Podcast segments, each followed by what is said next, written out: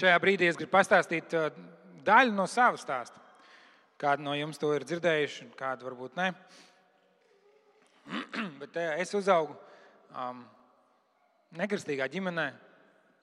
Es atceros divus notikumus no savas bērnības, trīs, kuras bija baznīcā. Vienreiz tas bija Cēlā Lutāņu baznīcā uz Svētdienas skolu, vienreiz tas bija Ādeža Lutāņu baznīcā uz, man liekas, ka Ziemassvētku dievkalpojumu bija baigi augsts. Neko citu neatceros. Un uh, savu kristību dievkalpojumu katoļu baznīcā Tukumā. Um, bet mēs ikdienā par Dievu nerunājām. Tā nebija daļa no mūsu, daļa no mūsu dzīves. Un, uh, un kas ir interesanti arī manu radinieku, vismaz es nezinu, nevienu tādu, kurš, kurš ticētu Dievam, kurš lasītu rakstus, kurš būtu daļa no kādas draudzes. Un vasarās es ciemojos, dzīvoju Cēsīs, piecēsīm, Jāņmežā. Un vasarās es ciemojos Smārdē, kas ir netālu no Tukuma. Tur dzīvoja mans onkulis ar ģimeni, man brālēni. Un es biju pie viņiem ciemos, un viņi gāja uz svētdienas skolu tajā laikā. Un, cik es atceros, tas iemesls bija tāds, ka, tāpēc, ka svētdienas skolā bija devušas šīs samariešu paciņas Ziemassvētkos, tas kurpju kastes. Bet, bet viņiem māma, viņa nebija kristieta, bet viņa ir Es viņu saucu par krusmātu, viņa gan man brālim ir krusmāta, bet, bet viņa bija tāda, viņa tāds principu cilvēks, bet tādā labā ziņā. Un viņa saviem bērniem teica, jūs gribat tās paciņas, jūs nevarat aiziet tikai decembrī uz svētdienas skolu, jums ir jāiet visu caur gadu, nu, vai vismaz kaut kādu periodu, lai nav tā, ka jūs tikai paciņu dēļ ejat. Viņi, viņi gāja tajā svētdienas skolā vismaz kādu laiku, un, un viena vasara, kad es pie viņiem ciemojos, garām gāja šīs svētdienas skolas skolotāji. Tajā laikā bija interesanti, ka gribēja aizsniegt kādus cilvēkus, to viņus vajadzēja apciemot mājās, jo ne, mobilie telefoni nebija. Un, uh, viņi gāja garām, viņi saka, brauciet uz nometni. Svētdienas nometni, jauniešu nometni. Uh, brauciet, un uh, es pie viņiem tajā brīdī ciemojos, nu, nesūtīts man mājās, un es arī aizbraucu to nometni. Un, uh, tā bija brīnišķīga nometnes lokā ar teltīm, un es tur iepazinos ar kādiem cilvēkiem, kristiešiem. Un, uh, Nākamgad es jau negaidīju, ka man brālēni brauks. Es jau pats braucu, es biju iepazinies, es jau sagaidīju informāciju. Mums mājās pieslēdz telefonu, man varēja sazvanīt arī tāpatās. Um, un es pēc piecus gadus, no 98. gada līdz uh, 2003. gadam, braucu uz šādām nometnēm. Un, un, uh, 2003. gads tas bija pēc 8. Uh, klases, un tas bija tāds gads manā dzīvē, kur es. Uh, ar vietējiem puikām, 13 gadu vecumā, nu, aizrāvos ar, ar, ar dažādiem kaitīgiem ieradumiem.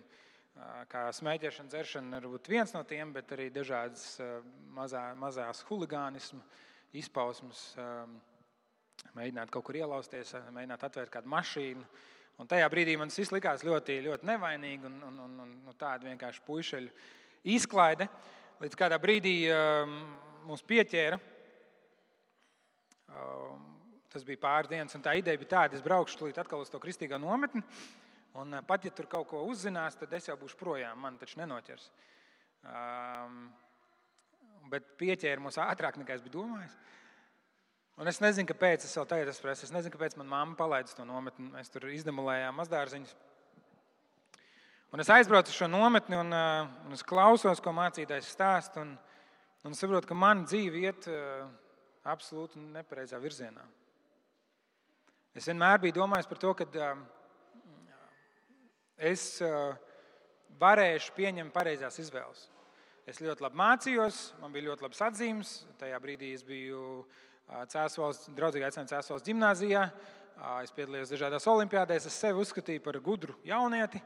Es domāju, es varēšu pieņemt pareizās izvēles. Um, mans tēvs aizgāja no ģimenes, kad man bija trīs gadi. Viņš bija alkoholiķis, un es teicu, es nekad nebūšu tāds kā viņš. Mans vecākais brālis bija manā tēva vietā, bet arī viņam bija dažādi izaicinājumi.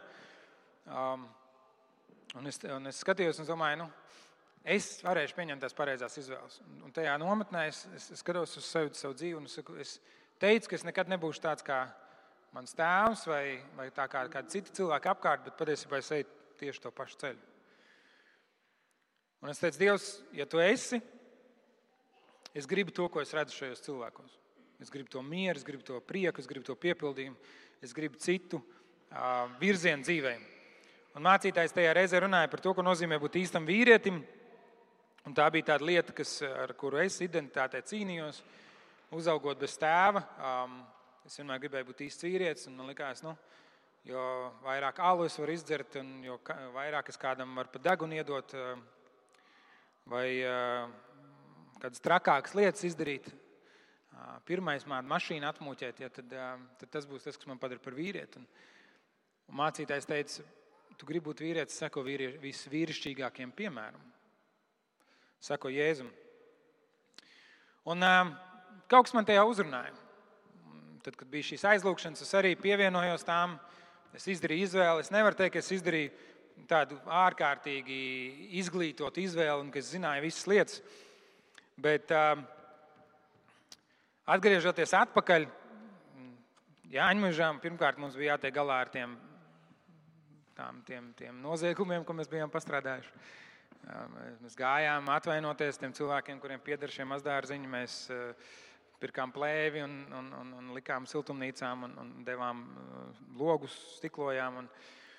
man bija jāuzņemās atbildība par to, ko es esmu izdarījis.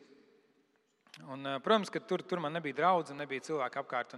Ļoti viegli bija ārēji atkal darīt pareizās lietas, bet iekšēji patiesībā virzīties uz to to pašu, kur es biju, un eh, krist atkal tajā bedrē iekšā. Bet kaut kas manā sirdī bija mainījies, kaut kas man teica, es vairs negribu tāds būt. Tas vairs neesmu es, man ir cits ceļš. Un es atceros, es rakstīju um, īsiņas kādiem draugiem no, no draudzes, kristiešiem, no šīm nometnēm. Es teicu, ziniet, ir baigi grūti. Ir baigi grūti pastāvēt, lūdziet par mani. Un es zinu, ka viņi arī lūdza lūdzu Dievu par mani. Un, un es kaut kā pie tā turējos. Un tad vienā reizē, kad mēs tur pie gaujas bijām aizbraukuši um, patusēt, es tur biju un stāvēju. Un, un, un es saprotu, es vairs negribu dzert, es vairs negribu būt. Es vienkārši negribu vairs to darīt. Bet, bet tie bija mani draugi, tā bija mana kopiena tajā brīdī. Un es tur biju. Un, un, kādi cilvēki sāka runāt Nu, no sērijas, ka tev liekas, tu esi labāks par mums. Tu šeit esi un, un tu to nedari, un tu, tu tur kaut ko par Dievu saki, un tu saki, ka tu esi mainījis dzīvi, un tev liekas, ka tu esi labāks par mums. Un, un īsāk sakot, es tur dabūju pa degunu. Um, man patiesībā bija, bija tā, ka uh, es gandrīz dabūju pa degunu. Un es sakāvos ar eh, vienu, viņš bija jaunāks, es sakāvos ar otru, viņš bija jaunāks. Es eh, varēju uzvarēt, un tad, kad nāca viena gada jaunāks, bet tāds spēcīgs čalis, es sapratu, kā, nu, te nav variantu. Um, es pirmkārt devušu pa degunu, otrkārt, eh, vai tas ir tā vērts, vai tad es ļaušu sev sadot pa degunu, vai mainīsies viņa attieksme pret mani. Es uzkāpu uz riteņu un aizbraucu. Tā ir pēdējā reize, kad es viņiem runāju. Um, 9. klasē bija ļoti smaga. Um, es dzīvoju Jāņmežā, lai tiktu uz skolu, bija jābrauc ar autobusu. Autobusā bija jāstiek visi šie paši uh, čaļi. Uh, mani izsmēja, apspļaudīja, ejot uz autobusu, apmetāja akmeņiem. Uh, nu, tāds bulīgs pēc pilnas programmas. Palika siltāks laiks, es ar riteni braucu uz skolu, lai nebūtu jākāpj autobusā. Tas bija laiks, kur es nu, savā ziņā man nebija citas iespējas, bet arī es nodevos daudz lasīt Bībeli. Cik es varēju, es sazinājos ar ar draugiem.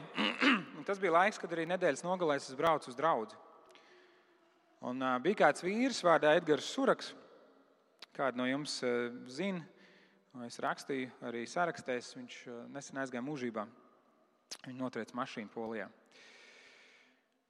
Bet viņš bija tas, kurš, uh, kurš atmaksāja man ceļu, lai es piekdienas vakarā varētu aizbraukt uz jūrmālu būt ar draugu, būt jauniešu vakarā, būt lūkšanās, būt dievkalpojumā un svētdienas pēcpusdienā es varētu atgriezties cēsīs un mācīties. Un tad sākumā tas bija reizes mēnesī, pēc tam divas. Un, un tā ir vien biežāk. Viņš bija tas, kurš man ieteica skolu Rīgas uzņēmējdarbības koledžu.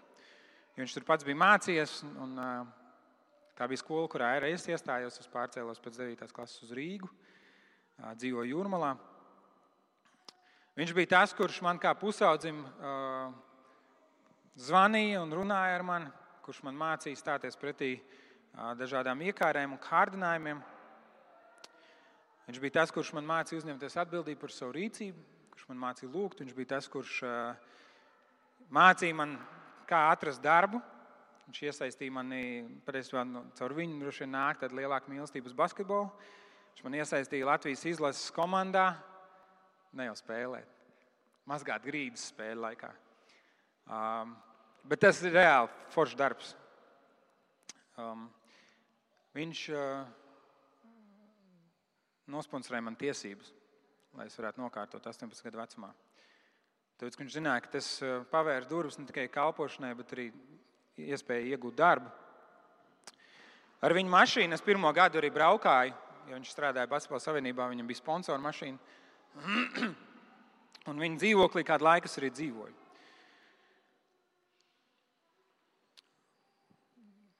Viņš parādīja to, ko nozīmē sakot Kristum.